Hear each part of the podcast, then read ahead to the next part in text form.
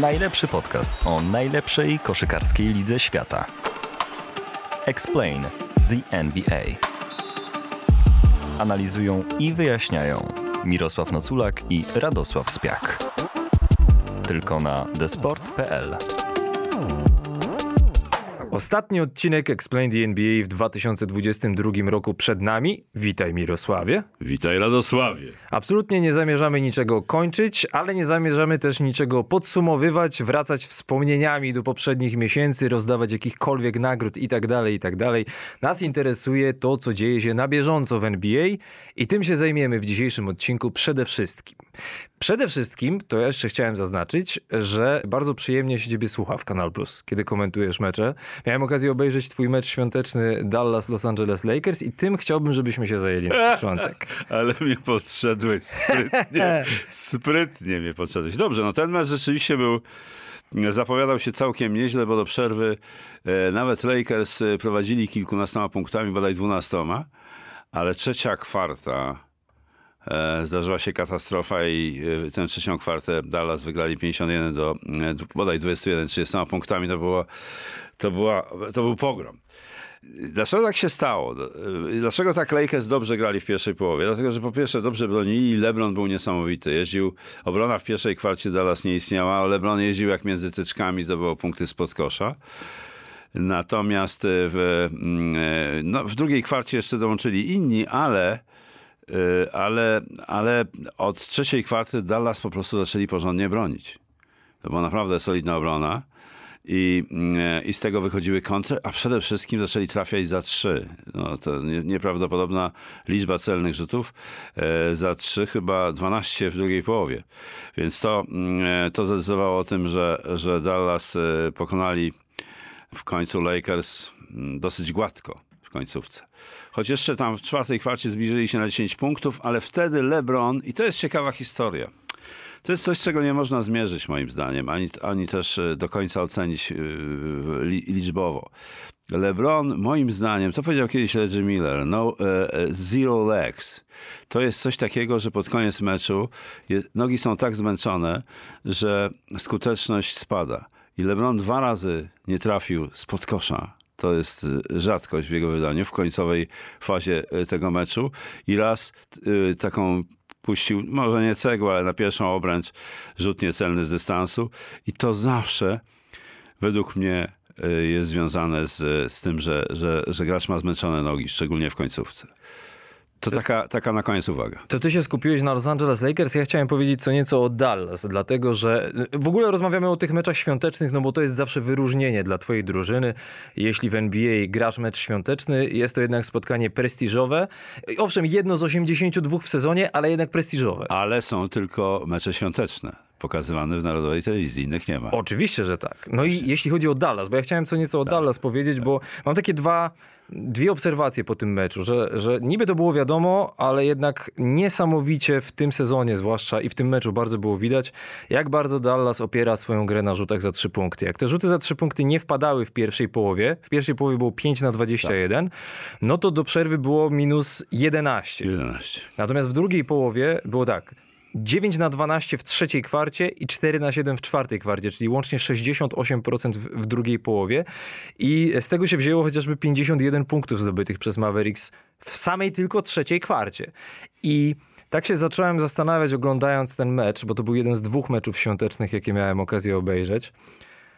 Czy to nie jest jednak przesada? Czy oni tego nie doprowadzili do przesady, że, że drużyna, która pewnie chciałaby awansować do finału NBA po tym, jak była w finale konferencji w poprzednim sezonie, za bardzo opiera swoją grę na jednym elemencie? To jest e, ryzykowne, oczywiście, ale z drugiej strony tam e, pod koszem teraz zaczyna, e, zaczyna spełniać swoją rolę Christian Wood, moim zdaniem, w drużynie Mavericks. Do tej pory wychodził jako rezerwowy Nie było też stałego gracza piątki, czyli Finlaya Smitha i w związku z tym on wszedł do piątki, ale on zaczyna spełniać tę rolę, bo to jest taki gracz, który może zachować się pod koszem, a raczej nie manewrowo, ale na te, na te słynne alejupy, na które może mu dączyć, mu, może mu je dostarczyć. E, no i też e, rzuca z dystansu. Więc tam jest e, cała grupa graczy, którzy mogą z dystansu grać i mogą grać jeden na jednego. I to jest, tu jest pewne podobieństwo do, do, do drużyny, o której będziemy mówili później. Znaczy, a co sądzisz o przestawieniu Wooda właśnie do pierwszej piątki? Myślę, że to jest dobry ruch. Myślę, że to jest dobry ruch. Tam będzie rywalizacja wtedy między y, Finlayem a, a, a Timem Hardawayem. I kto tam jeszcze jest na obwodzie? No Dinwiddie nie. Dinwiddie nie wypadnie w piąt, z piątki raczej. No, ciekawa, ciekawe rozwiązanie. Ja, ja spodziewałem się, że właśnie Wood będzie tym graczem, którego, którego y, Dallas potrzebują. Z tym, że oni mogą zacząć niższym składem. Z Woodem w piątce bez Normana Powella. Dwighta Powella. Dwighta Powella, przepraszam. Norman to jest gdzie indziej. To teraz ja. Ja chciałem zaznaczyć, że przede wszystkim właśnie w, o Woodzie pomyślałem w kontekście tych rzutów za trzy punkty, dlatego że jak on gra jako środkowy, jako piątka, to w momencie, kiedy Doncic gra tyłem do kosza, a gra ostatnio całkiem dużo, to wszyscy pozostali koledzy są rozstawieni za linią rzutów za trzy i oczywiście ktoś tam ścina po końcowej, ktoś może ściąć pasem środkowym, ale generalnie Wood wyciąga tego swojego obrońcę z pola 3 sekund i on, żebym się teraz nie pomylił, oddaje średnio ponad 4 rzuty za 3 punkty w każdym meczu i trafia ze skutecznością 38%. Prawie to jest 40, tak lepiej tak niż Doncic, lepiej niż Finney Smith, lepiej niż Bullock, lepiej niż Hardaway, lepiej niż Kleber, także pod tym kątem moim zdaniem to jest bardzo duża zmiana. Ale to jest jeszcze ciekawa jedna rzecz i to w tym meczu było widoczne kilkakrotnie. Oni grają przez Wooda, Doncic przez Wooda gra nie, po pick and rollu tak zwane short roll, czyli e, Wood stawia e, zasłonę, korzysta z niej Doncic, Wood ścina pod kosz, roluje się, ale po dwóch, trzech krokach dostaje piłkę i bardzo, Wood bardzo sprytnie ma dobry przegląd pola, wyszukuje graczy wolnych w rogach. I to jest to, to właśnie to dodatkowe podanie y, w, w, tym short rollu. Nie wiem, jak to nazwać po polsku, Dalibóg. E, y, krótki obrót nic nie znaczy, prawda? Krótkie ścięcie. Krótkie ścięcie, no to y, nic nie znaczy. No to jest właśnie problem z językiem polskim, bo short roll to wszyscy kojarzą o co chodzi. I szybkie podanie jest do rogu albo do ścinającego z rogu gracza i, i kończy się to dwoma albo trzema punktami.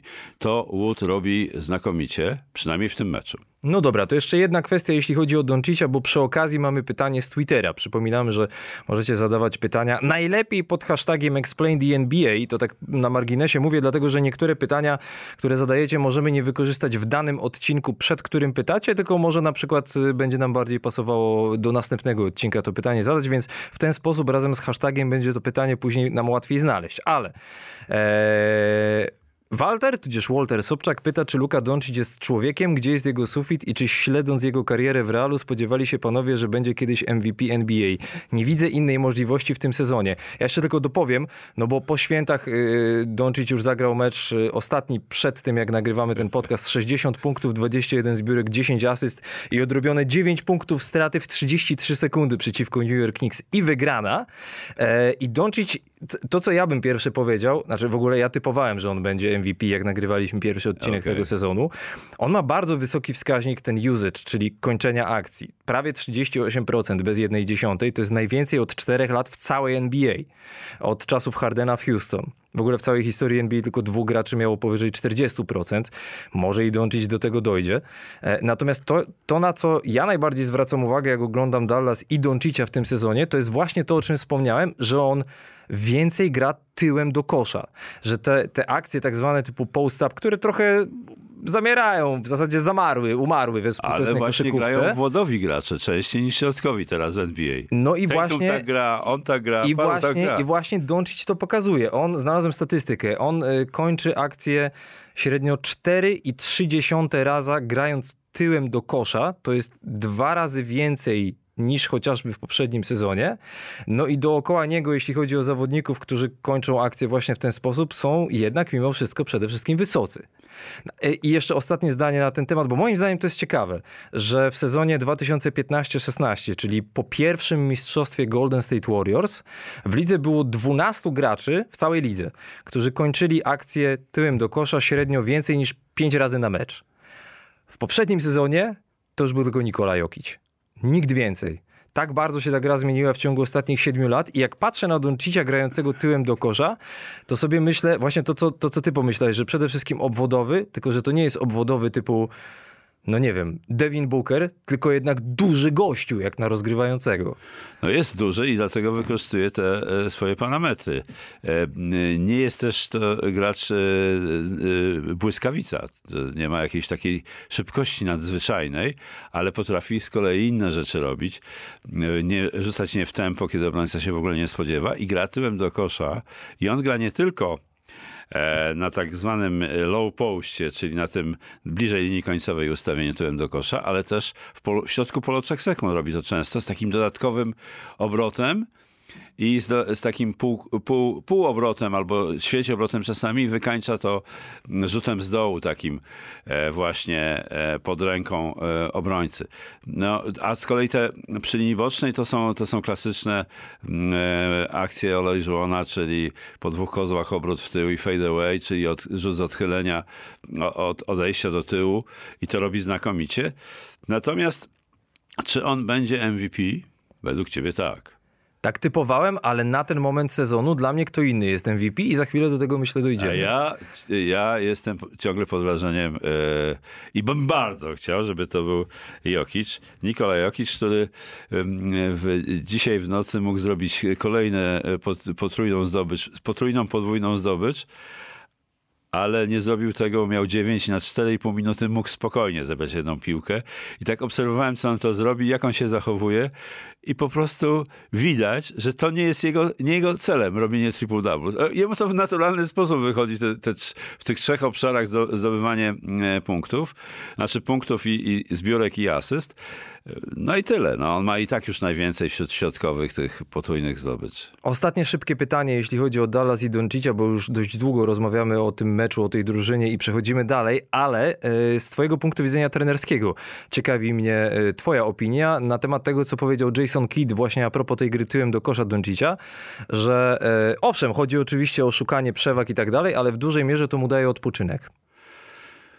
E, ciekawe, e, że, że on odpoczywa. Ja zawsze uważałem, że gratułem do kosza przeciwko e, cięższemu obrońcy, to miałem na myśli takich klasycznych środkowych, to jest tak zwana robota na przodku, czyli najcięższa praca w koszykówce.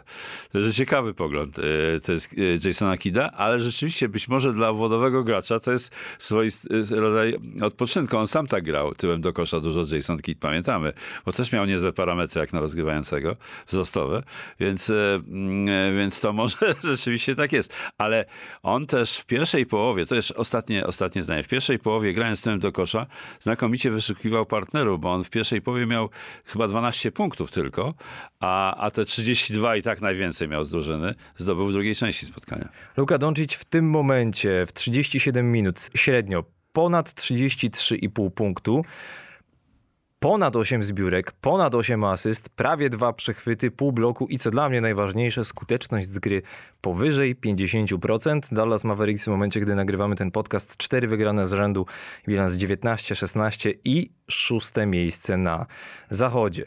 E, jeśli chodzi o mecze świąteczne, to w naszym subiektywnym przeglądzie tygodnia ja bym a chciał a kto jeszcze... jest tym kandydatem na MVP twoim, bo nie... nie... Właśnie do tego chcę przejść. A, czyli już wiem. Czyli Właśnie już do tego chcę przejść. Skąd? Dobra. Jeśli wow. chodzi o subiektywny przegląd tygodnia, to chciałbym jeszcze z meczów świątecznych, żebyśmy się zajęli starciem Bostonu z Milwaukee, bo w momencie, gdy te dwie drużyny grały, to były dwie najlepsze drużyny nie tylko na wschodzie, ale w ogóle w NBA.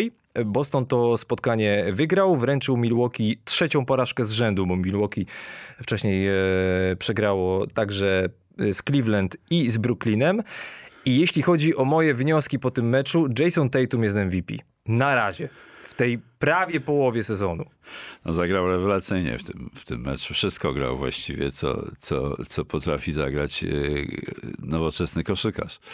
I właśnie i tyłem do kosza, i przodem, i z dystansu, i z miejsca, i po, e, po koźle rzuty. Wszystko wykonywał perfekcyjnie. Pięknie, pięknie grał Jason, e, Jason Tatum w tym, w tym meczu. W ogóle cały zespół grał świetnie. 41 punktów Tatuma, 14 na 22 z gry, 21-punktowe zwycięstwo. Boston w tym momencie cały czas na czele no, całej NBA z bilansem 25-10. I moje wnioski po tym meczu, oprócz tego, że e, Tatum jest MVP, Niby jest to oczywiste, ale wydaje mi się, że jednak trzeba to powiedzieć na głos. Raz jeszcze. Milwaukee bez Chrisa Middletona nie zdobędzie mistrzostwa. Tak, jest to niezwykle silna drużyna, ale właśnie takiego gracza brakuje, nawet nie w kontekście ataku, tylko właśnie w kontekście obrony przeciwko takim graczom jak Tatum, Brown. jak tak, jak Brown, jak powiedzmy, że Harden w najwyższej formie, nawet jak Durant. A mówisz o, ogólnie o wszystkich tak. graczach. No tak, y, mówi się coraz częściej o tym, że bez Chrisa będzie trudno im. Bo to jest taki gracz, który może nie trafiać przez y, trzy czwarte meczu, a w ważnych momentach te truje zapali, mówiąc tak już bardzo potocznie. E, ważne dla, dla zespołu. W obronie wydawałoby się, e, jak, on, jak ja go obserwowałem od, od, od dawna, obserwuję go, to zawsze mi się wydawał trochę mniej sprawny niż, e, niż e, bardzo sprawny gracz NBA. Trochę ta jego sprawność była taka trochę poniżej tych, tych naj, naj, najwyższej średniej. Natomiast e, bardzo się poprawił. Poza tym on gra dużo głową. To znaczy nie strzela bramek głową, tylko używa mózgu po prostu. On po prostu używa mózgu, co w obronie jest szalenie ważne. Antycypacja, przewidywanie e, i tak dalej, i tak dalej. To są cechy e, gracza w obronie bardzo ważne. Bardzo ciekawy jestem, y, jestem, jak to się rozwinie. Middleton już wrócił, ale znowu y, poszedł na ławkę, znaczy na, na, na, na przerwę. Znaczy, żeby była jasność, bilans Milwaukee w tym sezonie bez Chrisa Middletona to jest 18 wygranych i 8 porażek, więc całkiem tak, nieźle. Tak. Tylko, że jak przyjdą playoffy, to jak widzieliśmy w poprzednim sezonie, kiedy zabrakło go w serii właśnie przeciwko Bostonowi, brakuje tego, na, moim zdaniem nawet nie strzelca, właśnie tego obrońcy przeciwko, przeciwko graczom typu Tatum, a Tatum w tym sezonie gra absolutnie rewelacyjnie, ale jeszcze jeden wniosek i taka rzecz, która moim zdaniem przechodzi trochę niezauważona w grze Bostonu, bo ten zespół się chwali za kapitalny atak, bo jest naprawdę rewelacyjny, Natomiast podkreśla się rolę tej Tuma, jak dobrze gra, sam to robię, jak, y, jak Jalen Brown gra, jak y, Brogdon, y, Brogdon zmienił tak. w tej drużynie. Teraz jeszcze wrócił Robert Williams, e... więc jeszcze dodatkowo. Też znacznie lepiej gra Grant Williams, mówimy o ławce. Tak, to też tak, ważne, zdecydowanie. rezerwowi. Natomiast to, co moim zdaniem przechodzi trochę niezauważone, jest to, jak zmienił się Marcus Smart. W sensie nie chodzi mi o to, że zmieniła się jego gra, tylko zmieniła się jego decyzyjność na plus. Bo on w poprzednich sezonach owszem, no, zwłaszcza w poprzednim, e, w pewnym momencie przejął rolę tego, rozmawialiśmy o tym, tego boiskowego tak. lidera. Asysty zaliczał, ale zaliczał dużo strat. I nie wiem, czy to jest kwestia przyjścia Brogdona i jakiś jego wpływ wewnątrz drużyny na Smarta, ale Smart gra po prostu mądrzej. Na przykład w tym konkretnym meczu świątecznym przeciwko Milwaukee miał 8 asyst i tylko jedną, jedyną stratę. To dobro miał, miał e, wskaźnik. I to był trzeci mecz w ciągu czterech, kiedy miał co najmniej 7 asyst i maksymalnie jedną stratę. Jest ten taki popularny wskaźnik, zwłaszcza dla rozgrywających, stosunek tak. asyst do strat. No to y, Smart w tym sezonie 221 asyst, 68 strat, czyli 3 i 30 do jednego. Najlepszy Bardzo wskaźnik dobry. w jego karierze. Bardzo dobry wskaźnik. I moim zdaniem to przechodzi trochę niezauważone, a warto to zaznaczyć. No to jest, y, bo to nie jest widoczne za bardzo. Taka, taka sytuacja, jak ty, jak ty mówisz. Natomiast jeżeli Smart e, zmienia nazwisko na nazwisko Smarter, to to bardzo dobrze. na The Smartest to chyba nie zmieni, ale Smarter wystarczy. Na razie wystarczy przypadku. Smarter. Może do mistrzostwa wystarczy Smarter.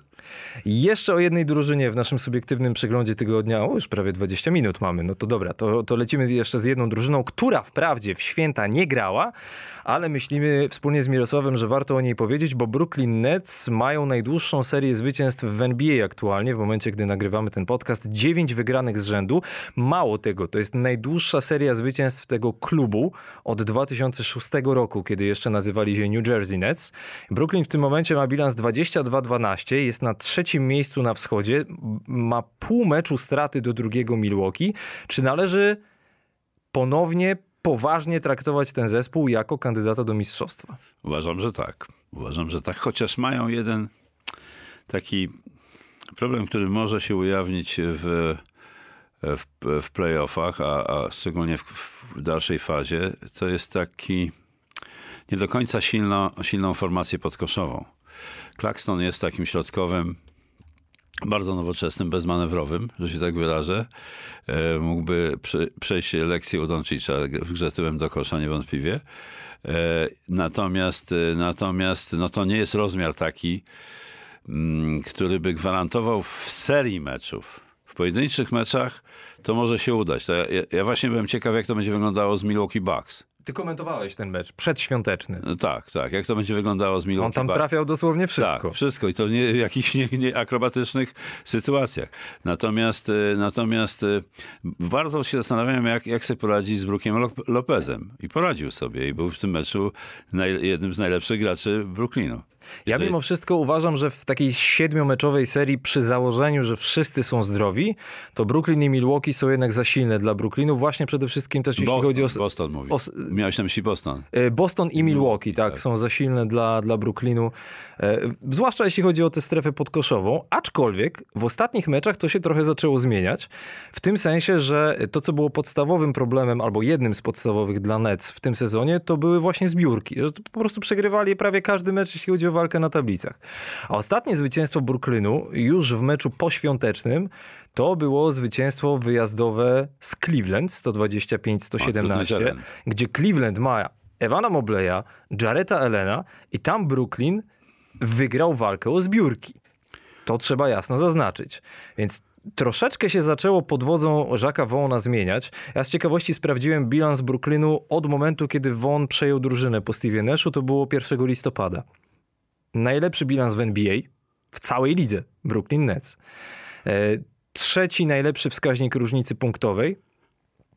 Trzeci atak, jeśli chodzi o 100 posiadań. E, przepraszam, czwarty atak, jeśli chodzi o 100 posiadań. Siódma obrona na 100 Siódma posiadań. Mhm. E, I najwięcej bloków w NBA. I szósta drużyna pod względem asyst. No po prostu jak za dotknięciem czarodziejskiej różdżki. Tam jest, e, to, to jest zagadka wielka, co, co tam się wydarzyło. A to ja mam częściową odpowiedź, wydaje mi się. Bo ja, ja, ja, ja jeszcze nie mam e, odpowiedzi na to, ale wydaje mi się, że, że mm, po prostu zrobiło, zrobił, się, zrobił się taki, taka atmosfera w tym zespole braterska, powiedziałbym. Ale czyli co, kwestia zmiany trenera jednak? Zmiany trenera tak, dlatego że, że nie, ja nie wiem, co wyprawiał Steve Nash, że on nie potrafił tym, tym zespołem zarządzać. E, to, była, to była tak zatomizowana drużyna, w sensie, że, że, że każdy swoją, e, swo, swoją, swoją ścieżką chodził. Natomiast Jacques Vaughn zrobił to właśnie przeciwieństwo kompletne, że oni się stali zespołem. I to właśnie zawsze będę uważał, że głównie buduje się i najszybciej zbudować Team Spirit poprzez obronę, która jest de facto najłatwiejsza do, do poprawienia, jeżeli się chce i ma się i serce, i rozum do, do gry w obronie. To wtedy zrobić to łatwo. Zatem musiał trafić Jacques Vaughn do ich głów i do ich, do ich, do ich myślenia. No to kiedy Kevin Durant trochę się otworzył po tej wymianie trenerskiej, Coś on, powiedział, on wprost powiedział reporterowi e, Chrisowi Heinzowi, że, e, że poszedł po prostu do managementu i powiedział, nie podoba mi się jak przygotowujemy się do meczów. Nie lubię, nazwałbym to treningami rzutowymi, no bo powiedział shoot arounds. Tak. E, lubię treningi same w sobie jako practice, tak? gdzie, gdzie coś się ustawiasz, gdzie nie po prostu bierzesz piłę i rzucasz do kosza po milion razy, tylko faktycznie coś zaczynasz ustalać. I moim zdaniem to jest oczywiście ważny czynnik, w sensie zmiana trenera, bo Jacques Vaughn swoją drogą powiedział, zapytany, e, jak on to zrobił, że nagle Brooklyn zaczął grać tak dobrze, on powiedział, ja jestem prostym człowiekiem, a po prostu wszystko uprościłem, jeśli chodzi o atak. Jeśli, przede wszystkim jeśli chodzi o atak, ale moim zdaniem to, co jest najważniejsze, jest to, że oni mogą się po prostu skupić na koszykówce. Nie ma już kwestii COVID-u, tego, czy Tak, już- się szczepił. tak. Już połowa ludzi zapomniała o tym nieszczęsnym tweetie do, i linku do jakiegoś tam filmu.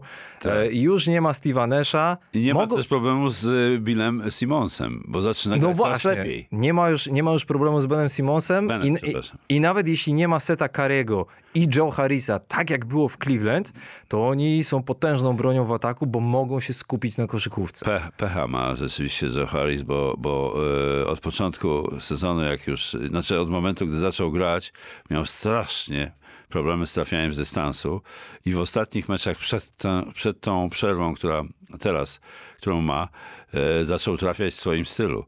No więc ma, ma, stracili bardzo ważnego, dwóch bardzo dobrych strzelców stracili e, Seta i, i, i, i Joe. E, Natomiast, natomiast są nadal bez porażki. To jest fantastyczne. I mało tego, najbliższa seria meczów Brooklynu, wyjazd do Atlanty. E, Będziecie słuchali już tego podcastu po tym meczu. Potem mecz wyjazdowy w Charlotte, u siebie z San Antonio i wyjazd do Chicago. Ja się nie zdziwię, jak oni będą mieli 13 wygranych z rzędu. Mogą mieć. To, żeśmy się rozgadali w przeglądzie tygodnia, ale wiadomo, mecze świąteczne rządzą się swoimi prawami, jak to się zwykło określać, więc warto o nich porozmawiać nieco więcej. Natomiast na główny temat ostatniego odcinka naszego podcastu w tym roku wybraliśmy drużynę, o której tak w zasadzie chyba nigdy szerzej tak naprawdę nie rozmawialiśmy. Mam na myśli od początku, jak zaczęliśmy nagrywać ten podcast, jeszcze przed poprzednim sezonem. Mowa, może się już domyślacie, o Sacramento Kings. 17 wygranych, 15 porażek drużyny prowadzonej przez Mike'a Browna. E, Siódme miejsce na zachodzie i wprawdzie ta drużyna ma w tym momencie serię dwóch porażek z rzędu i wypadł ze względu na kontuzję kciuka Domantas Sabonis, ale uznaliśmy z Mirosławem, że no nie wiem, jak ty Mirosławie, ja się nie spodziewałem, że oni będą grali tak dobrze, a ponieważ mamy prawie połowę sezonu i za bardzo o nich nie rozmawialiśmy, to fajnie by się było na nich skupić, bo jest tam sporo ciekawych rzeczy. Ja bym cię chciał zapytać przede wszystkim na początek, no właśnie, spodziewałeś się czegoś takiego? Wytknę ci coś na początek No. o Sacramento. Pamiętam, jak krytycznie odnosiłeś się do, e, do e, wymiany Indiany. E, Halliburton, twój ulubieniec, odszedł z Sacramento do Indiany, a w jego miejsce przyszedł Sabonis i że to będzie lipa, ale okazało się, że to są, że obydwie strony wygrały na tym, można powiedzieć, na razie przynajmniej. Także I to jest rzadki przypadek w sumie, kiedy, kiedy w dość dużej wymianie obie strony zyskują. Ja tylko przypomnę, bo to było w trakcie poprzedniego sezonu. Do Indiany poszli Halliburton Hilt i Tristan Thompson, który obecnie w lidze nie gra, a do Sacramento poszli Justin Holiday, który w tym momencie gra w Atlancie, Jeremy Lamb, którego w lidze nie ma, Domantas Sabonis i wybór w drugiej rundzie draftu przyszłorocznego, ale jak będziecie słuchali ten odcinek, to może już należy mówić tegorocznego. No dobra, to zaskoczone? Tak, y, na pewno, a, a, y, bo, bo Sacramento, mm, ja lubiłem oglądać Sacramento zawsze. Dokładnie nie wiem dlaczego. Może, Okej. może, może Darren Fox mi się podoba, może ten Buddy Hill, który trafiał szalone truje i tak dalej, i tak dalej. E, I swego, e, swego czasu Rashawn Holmes, taki e, wówczas kilka lat temu bardzo nowoczesny środkowy o niezwykłej skoczności i takiej pakowaniu z e, zalejupów, co niestety już teraz nie ma miejsca. Pewnie po kontuzjach licznych. I, i, I zawsze lubiłem oglądać, natomiast za, zawsze krew mnie zalewała, jak głupio przegrywali mecze i jak odpadali przez 16 lat z rzędu e, z prawa do gry w playoffie. I to jest 17 sezon. I wszyscy im życzą właśnie po tym dobrym starcie jednej trzeciej, e, no może nawet już więcej niż jednej trzeciej e, rundy zasadniczej, awansu do playoffu. Czy tak się stanie? Nie jestem przekonany, ale rzeczywiście w ostatnich czterech meczach tylko jedna wygrana. E, Trzy przegrane, dwa z rzędu, dwie z rzędu porażki, mm, to, to, to trochę osłabiają e, ocenę e, Sacramento, ale w tym ostatnim przegranym meczu bardzo, moim zdaniem, jedno zdanie powiem potem, e, potem e, wrócę do tej myśli, ale żeby nie, nie przedłużać swojego wywodu. Moim zdaniem zabrakło e, e, Sabonisa nie dlatego, że zabrakło jego 17 ponad punktów, a także ponad 12 zbiórek. Sabonis jest najlepszym, najlepiej zbierającym graczem w lidze w tej chwili. Ma 12 plus. Ja tylko dodam, mówimy o przegranej z Denver 106-113. Tak, to jest, to jest przegrana z Denver po, po świetnym meczu e, e, Jokicza, w ogóle całego zespołu e, Denver. No więc tu, tutaj ten e, brak Sabonisa, ale ja powiem o tym, jak ty rozwiniesz swoje e, tam dane, które na pewno zobrazują nam e, bardziej liczbowo te, to zjawisko. Znaczy wiesz co, ja się zacząłem zastanawiać przede wszystkim, co się zmieniło. I, i doszedłem do, do dwóch wniosków. Bo tak, bo, bo generalnie Sacramento było zawsze, albo prawie zawsze znane z dość dobrego ataku.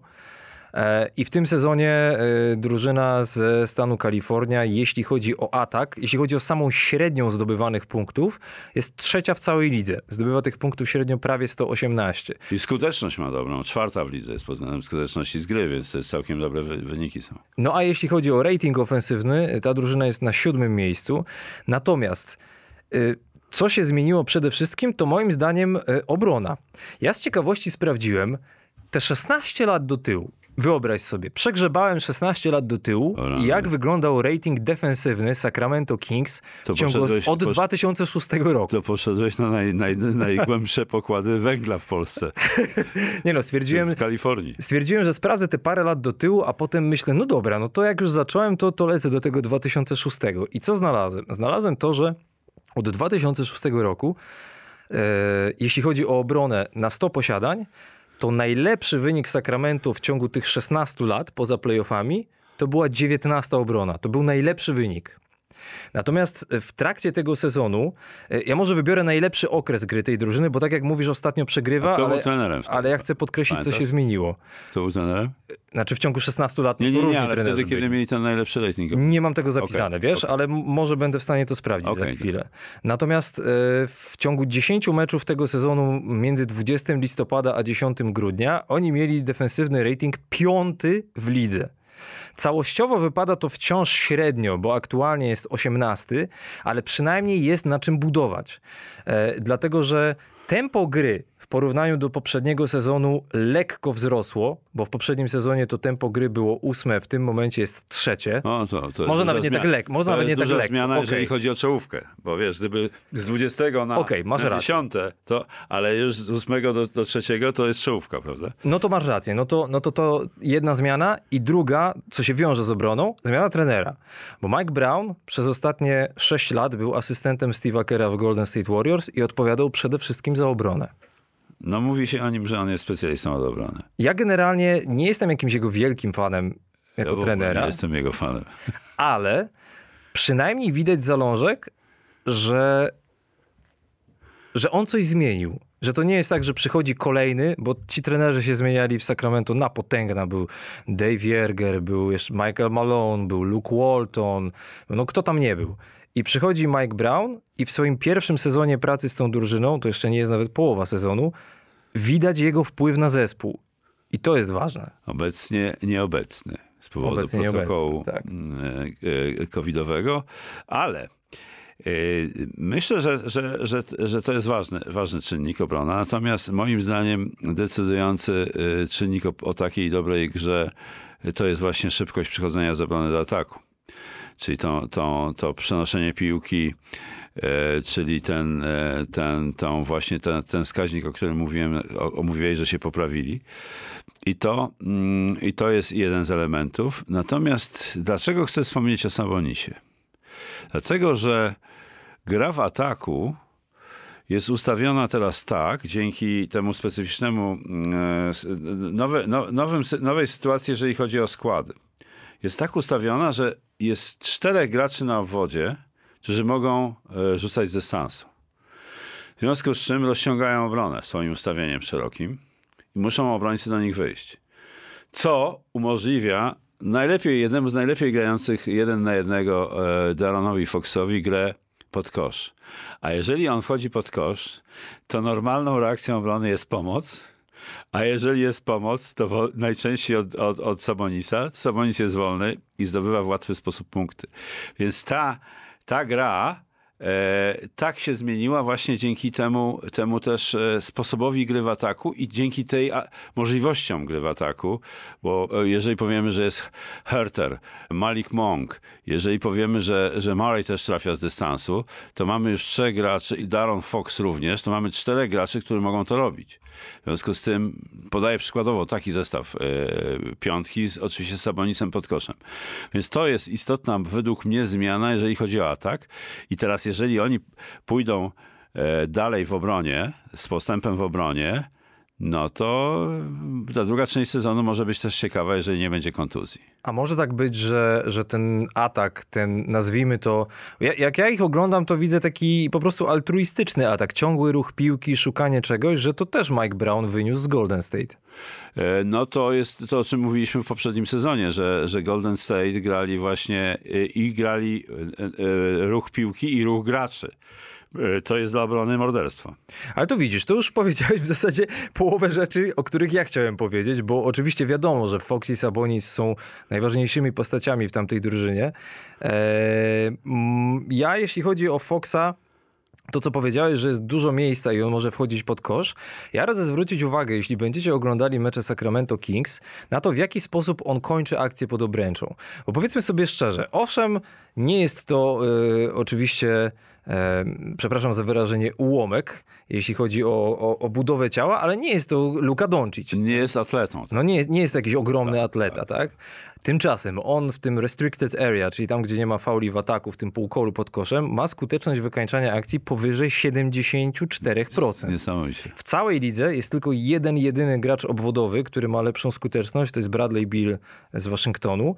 Ale Fox raz, że te akcje kończy, ale że dwa, tak jak powiedziałeś, ściąga na siebie uwagę obrony i jeśli nie Sabonis, to, to dostaje piłkę ktoś inny. Tak. Jeśli tym kimś jest Kevin Herter, no to zazwyczaj kończy się to celną trójką. Jeśli, jeśli chodzi o Hertera, bo tak patrzyłem na te liczby, żeby wynaleźć coś ciekawego i sprawdziłem Kevina Hertera, on oddaje średnio 7 rzutów za 3 punkty w, w, w, meczu w tym sezonie. To jest to powiedzmy całkiem sporo, ale jak na współczesne standardy, jak na gracza specjalizującego się w tym elemencie gry, powiedzmy, że taka dobra próbka. Tak. No to on aktualnie rzuca ze skutecznością e, z załuku ponad 41%. 47,4 miał kiedyś. Tak. Y, ale, ale ogólnie jego wskaźniki, mam na myśli średnią punktową, e, właśnie to jak wykorzystuje atak, są najwyższe w jego karierze. Jest po prostu bardzo dobrze wykorzystywany również dzięki temu, że Sabonis, nie wiem czy ze względu na geny, wyszkolenie, czy może jedno i drugie, a może jeszcze coś innego, po prostu świetnie podaje. A, no tak, tak, to jest kopia ojca pod tym względem. Wszechstronność.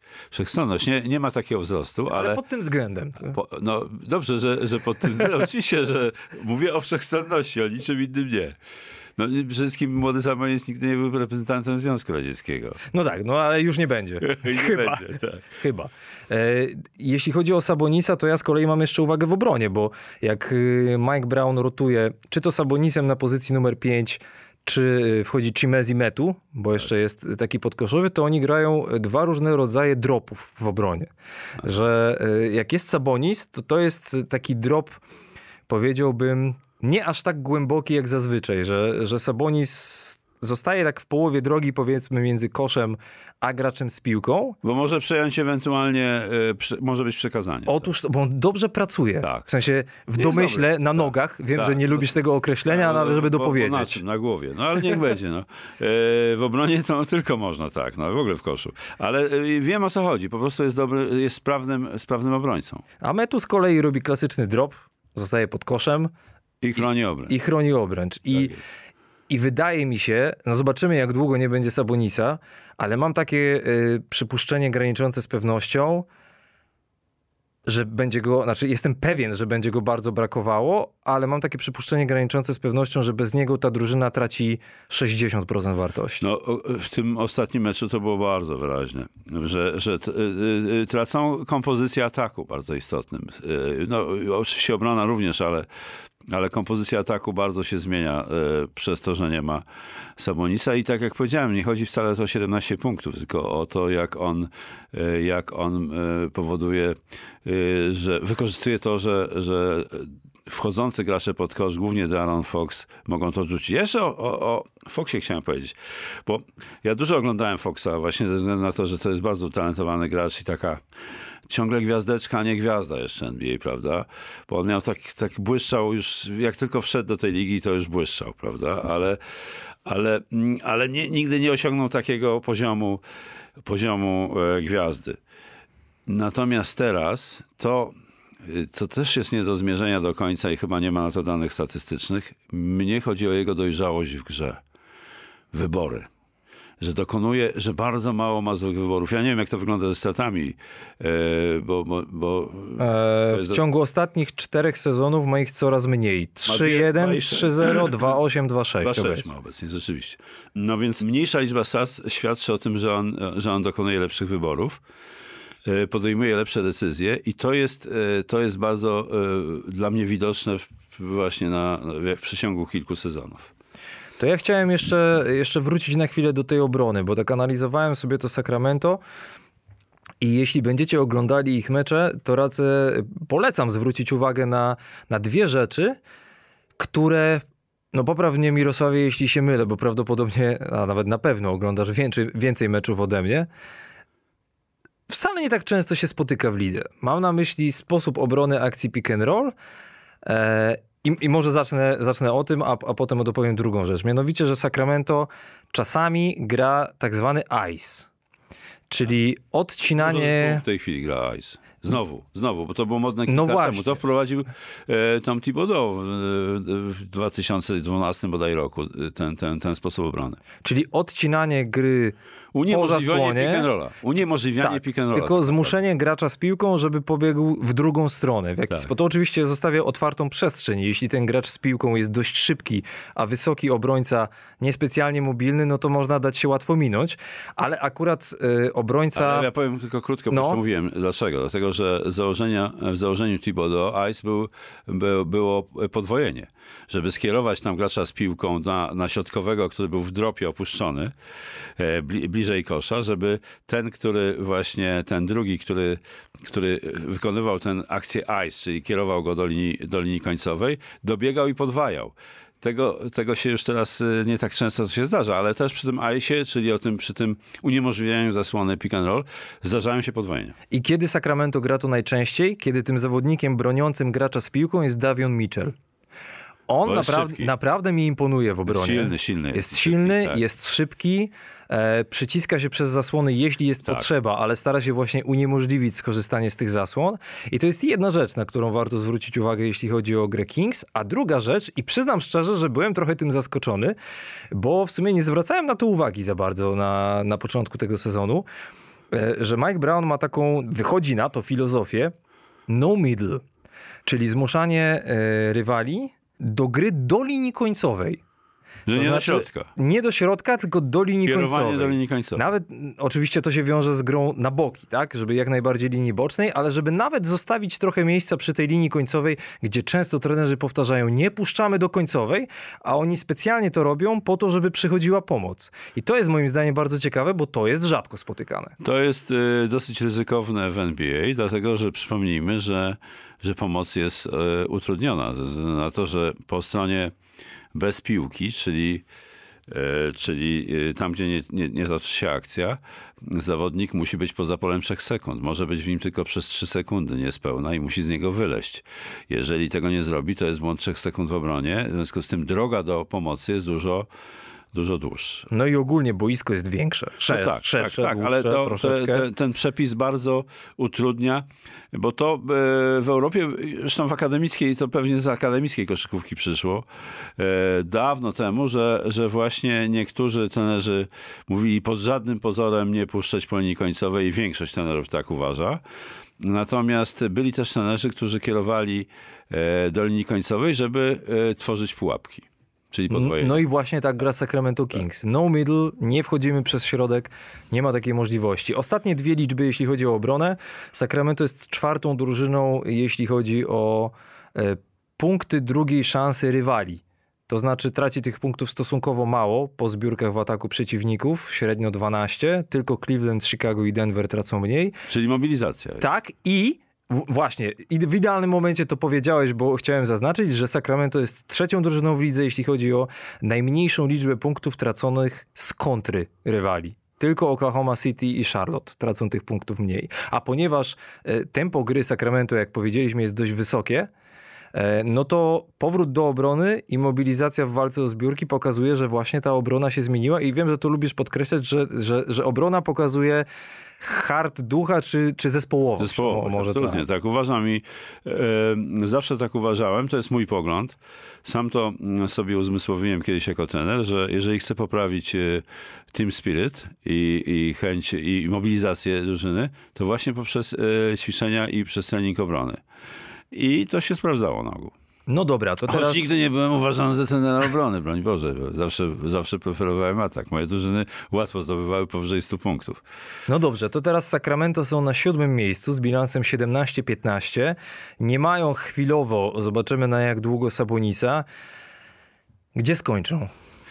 Ja im życzę jak najlepiej y, z tego powodu, Inaczej, że... będą playoffy czy nie? E, Mam nadzieję, że będą playoffy. Mówię mam nadzieję, bo, bo tak jak powiedziałem kilka minut wcześniej, e, że, że wszystko zależy od zdrowia zawodników, bo kierunek, którym, którym oni się poruszają, w sensie struktury gry, i, e, i, i, i team spirit i tego, tego zespołowości, tej zespołowości jest bardzo dobry.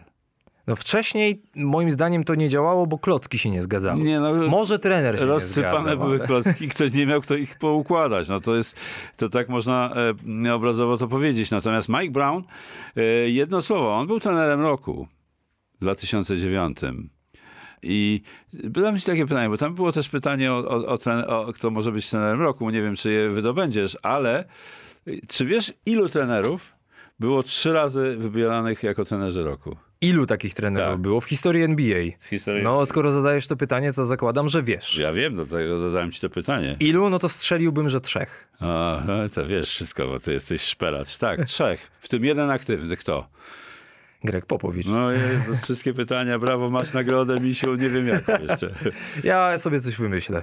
E, Na no- pewno co, coś dobrego do jedzenia. A, spoko, spoko. Z twoich rąk to na pewno. Spoko. E, ale, ale chciałem, jeśli chodzi o, o, trenerów... Ale e, wi- Hubie Brown też dwa razy był i to chciałem powiedzieć, bo to, to jest gość, który ma 89 lat i miałem przyjemność komentować mecz, który on komentował dla te, w, w Christmas e, Games. Komentował 89 lat ma koleś i komentuje NBA. Dwa razy był wybrany jako trener roku, kiedy był trenerem. Jeśli chodzi o to pytanie o trenerów, to e, zadał je Sebastian i ja bym je zostawił na następny odcinek. A dlaczego, to jeszcze wytłumaczymy na koniec tego Okej. odcinka. E, natomiast e, jeśli chodzi o moją opinię, ja też życzę Sacramento playoffów, bo no powiedzmy sobie szczerze, po 17 latach wypadałoby zagrać w- w playoffach. No, Sacramento ma w tym momencie najdłuższą serię w historii NBA bez playoffów, czyli 16 lat, ale jakbym miał stawiać własne pieniądze, to bym powiedział, że mimo wszystko to się nie uda i nie chodzi wcale o to, że uważam, że Sabonisa bardzo długo nie będzie. Po prostu jak patrzę na tabelę zachodu, to za Sacramento w tym momencie jest Portland, Utah, Golden Warriors. State, Minnesota. Wydaje mi się, że to Sacramento nie będzie w stanie jeszcze w tym roku tego wyciągnąć. Tak mi się wydaje. Zobaczymy. No dobrze, to na koniec, e, albo niemal na koniec tego odcinka, e, wracamy jeszcze do Jeremiego Sochana, bo ostatnio o nim nie rozmawialiśmy, też nie grał ze względu na kontuzję, natomiast do gry wrócił jego San Antonio Spurs. W tym momencie mają bilans 11-23, są na przedostatnim miejscu na zachodzie i sprawdzamy, co u Jeremiego, a sprawdzamy, bo jest też pytanie od Sito, tudzież Sito Meistera e, z Twittera. Czy jest szansa, że nasz Jeremi zagra e, w Rising Stars? Chodzi oczywiście o mecz e, młodych zawodników przy okazji weekendu gwiazd NBA. Czy jednak nie dane nam będzie zarwać tej nocki? Pozdrawiam panowie, my też pozdrawiamy. Nie no, zagra chyba, nie? Słuchaj, mnie się wydaje, że tak. Bo tutaj sobie sprawdziłem takie rzeczy, że wyżej, jak wyglądają wyżej wybrani od niego w drafcie, jeżeli chodzi o, Okej. o punkty. I wyprzedza go oczywiście pan Kero, który ma 21, e, Jabari Smith, który ma 12. No mówię w kolejności, jak byli wybrani. Nie ma tutaj oczywiście Holgrena, bo, bo nie gra, więc tutaj nie ma. Keegan e, Murray ma 11,9. e, Jaden Ivey ma 15,5. Benedict ma, ma 17,1. I następny już jest e, właśnie Jeremy Sohan z e, 8,5 punktu e, w, W, tak, i 4,7 zbiórka i 2,5 asysty. Grał średnio 24,8 mi- minuty. Więc to, jest, to są bardzo dobre wskaźniki, więc to widać, że on jest e, na dobrej drodze, bo zanim są wyżej postawieni na Shadon Sharp Sportland, jeżeli chodzi o zdobycze punktowe i Dyson Daniels, który bardzo miał dobre mecze, kiedy, e, kiedy występował w pierwszej piące e, e, Nowego Orleanu. No ale ma, ma się, e, 5,2 punktu i 7,7 ma Sharp. Zatem Jeremy jest wyżej. No i to jest, i to jest bardzo dobre, są, są bardzo dobre wskaźniki, więc zatem myślę, że Jeremy mm, nie tylko ze względu, z powodów statystycznych, ale ty o tym pewnie powiesz, znajdzie się w tym Rising, rising Start. Ja uważam, że właśnie nawet y, niekoniecznie w pierwszej kolejności na statystyki, ale no sam numer dziewiąty draftu nobilituje. Oczywiście trzeba jeszcze podeprzeć to dobrą grą, ale y, myślę, że całościowo możemy popatrzeć na razie na Sochana, że gra dobrze. Oczywiście jest dużo elementów do poprawy, ale jak na pierwsze kilka miesięcy w NBA jeszcze przerwany kontuzją, wygląda to moim W sześciu zdaniem... meczach nie grał. No właśnie, wygląda to moim zdaniem całkiem nieźle i, i, i ja jestem przekonany, że on w tym Rising Stars zagra. E, chciałem cię zapytać, co sądzisz o rzucaniu wolnych jedną ręką? Znaczy, y, to są takie pomysły, no y, nie chcę tego ani okrytykować, ani oceniać. Jest, jest to jakiś, wpadli na jakiś pomysł y, trenerzy i, i, i, e, i coś takiego zarządzili. Tam ciekawą, mm, ciekawą, ciekawą, e, ciekawą taką ilustrację do tego, jak ułożony jest nadgarstek Jeremiego, gdy rzuca oburącz, a jak jest ułożony, gdy rzuca jedno, bez, bez tej pomocy lewej ręki. Jego nadgarstek jest trochę, e, jak jest bez piłki, jak jest bez drugiej ręki, to, to, to, to, to y, przekrój przez nadgarstek jest równoległy do, do linii, do linii, y, do podłogi. A jak ma drugą rękę, to jest lekko pod kątem e, ułożona ręka. Ja, ja trochę studiowałem e, techniki rzutu i, i, i biomechanikę, i, i to jest związane i z anatomią, z biomechaniką, i z techniką. A każdy gracz, to, do, to jest, to jest truizm, to co powiem, ma swoją technikę związaną właśnie z tym, co powiedziałem wcześniej, anatomią i biomechaniką ruchu. W związku z tym e, szukają tego rozwiązania i e, zadałem takie sarkastyczne pytanie e, w jednym z programów, gdzie, gdzie ten problem był omawiany, a co będzie, jak dołoży drugą rękę? No wiesz, on sam, on sam twierdzi i on sam mówi, że wie, na czym polega problem, że właśnie kiedy rzuca, nazwijmy to oburącz, No ten łokieć, się łokieć, oburącz. łokieć mu ucieka, krótko mówiąc, bo on mówił przede wszystkim o łokciu właśnie, nie o nadgarstku, ale, Ale łokciu y, rzucającej, czy... czy łokciu czy, rzucającej. Łokciu rzucającej. A bo to jest związane. Ustawienie łokcia y, ręki y, rzucającej jest związane z ułożeniem nadgarstka. Cały, cała taśma biomechaniczna. Y, także tu y, taśma ruchu, także to, to jest. Na pewno tam na, na pewno przeprowadzili badania. Dzisiaj to wszystko można tak zbadać dokładnie, ten, ten, te, tę anatomię, budowę nadgarstka i tak dalej, że, że, że myślę, że wymyślili to dobrze jakoś. Bo mnie najbardziej pod tym kątem zaciekawiło to, dlaczego on za- zaczął rzucać jedną ręką. Bo czy to była jego inicjatywa, czy trenerów? I okazuje się, że trenerów. On sam powiedział, że Greg Popowicz z Brettem Brownem przyszli do niego, zaproponowali mu to e, i on przyjął to bez wahania. Jak Greg Popowicz zresztą później go chwalił za to, że e, pewnie debiutanci by się martwili o to, Jak inni, będą- jak to będzie wyglądało, Tak, jak, jak- będą jak postrzegani. będą gadać, tak, ludzie, I że tak. co to w ogóle jest, że to dziwne, a Jeremy ma, mówiąc potocznie, wywalone na to. Tak E, rzuca jedną ręką i ma to gdzieś w jednym z meczów miał 7 na 10 z linii rzutów Tak. wolnych. Już sam fakt, że oddał w ogóle 10 rzutów wolnych też świadczy o tym, że jest trochę bardziej agresywny w ataku. Oczywiście sprawdzamy jego rzut, bo chcemy, chcemy patrzeć, czy jest, jest jakiś progres w tym względzie. E, Rzutowo, całościowo może to nie wygląda jakoś rewelacyjnie wciąż, no bo jego skuteczność z gry to jest niespełna 46%. Za 3 punkty to jest 11 na 58, czyli 19%, ale to, co mnie zaskoczyło najbardziej, zaskakuje wciąż, to jest jego skuteczność, e, jeśli chodzi o dystans do 3 metrów od kosza. Nie mówię o, o, o samej tej restricted area, o samej pod koszem, bo tam wiadomo, ma dobrą skuteczność na poziomie 72, ale w odległości 3 do 10 stóp od kosza. 10 stóp to jest... e, 3,5 to są metra niespełna. 3 metry. Tak, trzy- 3 metry, 3,1 nawet konkretnie. To ta skuteczność wynosi tylko 32%. I co ciekawe, im dalej od kosza do linii rzutów za 3, tym jest lepiej, bo potem na przykład do 16 stóp, czyli do prawie 5 metrów, ta skuteczność wynosi 58%, no i potem do linii rzutów za 3, ok, delikatnie spada do 54, ale od kosza do 3 metrów z małym hakiem to jest tylko 32%. Wbrew pozorom to, to nie jest wcale taki łatwy rzut e, z, tak, z takiej odległości do kosza. Wcale nie. Bo to są, zwróćcie uwagę, że to najczęściej się wykonuje floatery, albo trzeba wy, wykonywać rzut w bardzo takim mocnym wyskoku i gdy y, gracz jest w takim wyskoku ekstremalnym, to jest tak napięty, że niekoniecznie musi do końca, a szczególnie niedoświadczony, sterować e, swobodnie e, pracą nadgarstka i całego ramienia, bo to, bo to, jest, bo to, jest, to jest ciekawe w biomechanice. To można by godzinami o tym mówić, że w momencie, gdy oddajesz rzut, twój, twój kręgosłup, twoja, twoje plecy muszą być e, w odpowiednim napięciu, żeby stabilizować sylwetkę, a ręka, całe ramię musi być swobodne i i ten ruch musi, dzięki temu jest płynny. Natomiast jeżeli jest, jeżeli tułów jest za bardzo napięty, to to jest, promieniuje na rękę i koniec e, jest z dokładnością rzutu. To są bardzo skomplikowane rzeczy. Dzisiaj Dzisiaj są, jest tyle mierników, y, że można ustalić właściwą strukturę rzutu dla każdego gracza y, komputerowo. Także to myślę, że on to przechodzi właśnie w tej chwili. No i teraz przed Jeremim, y, oczywiście zakładając, że będzie zdrowy, ale liczymy mu, życzymy mu, żeby występował w każdym meczu. Bardzo ciekawa seria testów przed nim, zwłaszcza jeśli chodzi o obronę, bo przede wszystkim jako obrońca jest postrzegany. Grał już przeciwko LeBronowi Jamesowi, no to teraz w Sylwestra. Luka Doncic i Dallas Mavericks. Tak. Pierwszy mecz w nowym roku, 2 stycznia Kevin Durant, Brooklyn Nets na Brooklynie. 4 stycznia e, New York Knicks i 7 stycznia Boston Celtics. No tak, to prawdziwe wyzwania dla Jeremiego, ale hmm, podoba mi się jak on swobodnie przychodzi z piłką z obrony do ataku. I on też o tym mówił ostatnio, że, że po tych kilku miesiącach on użył takiego sformułowania, że jak ma piłkę i przechodzi przez, e, przez połowę i patrzy, co się dzieje dookoła, to że w ciągu tych kilku miesięcy gra mu zwolniła.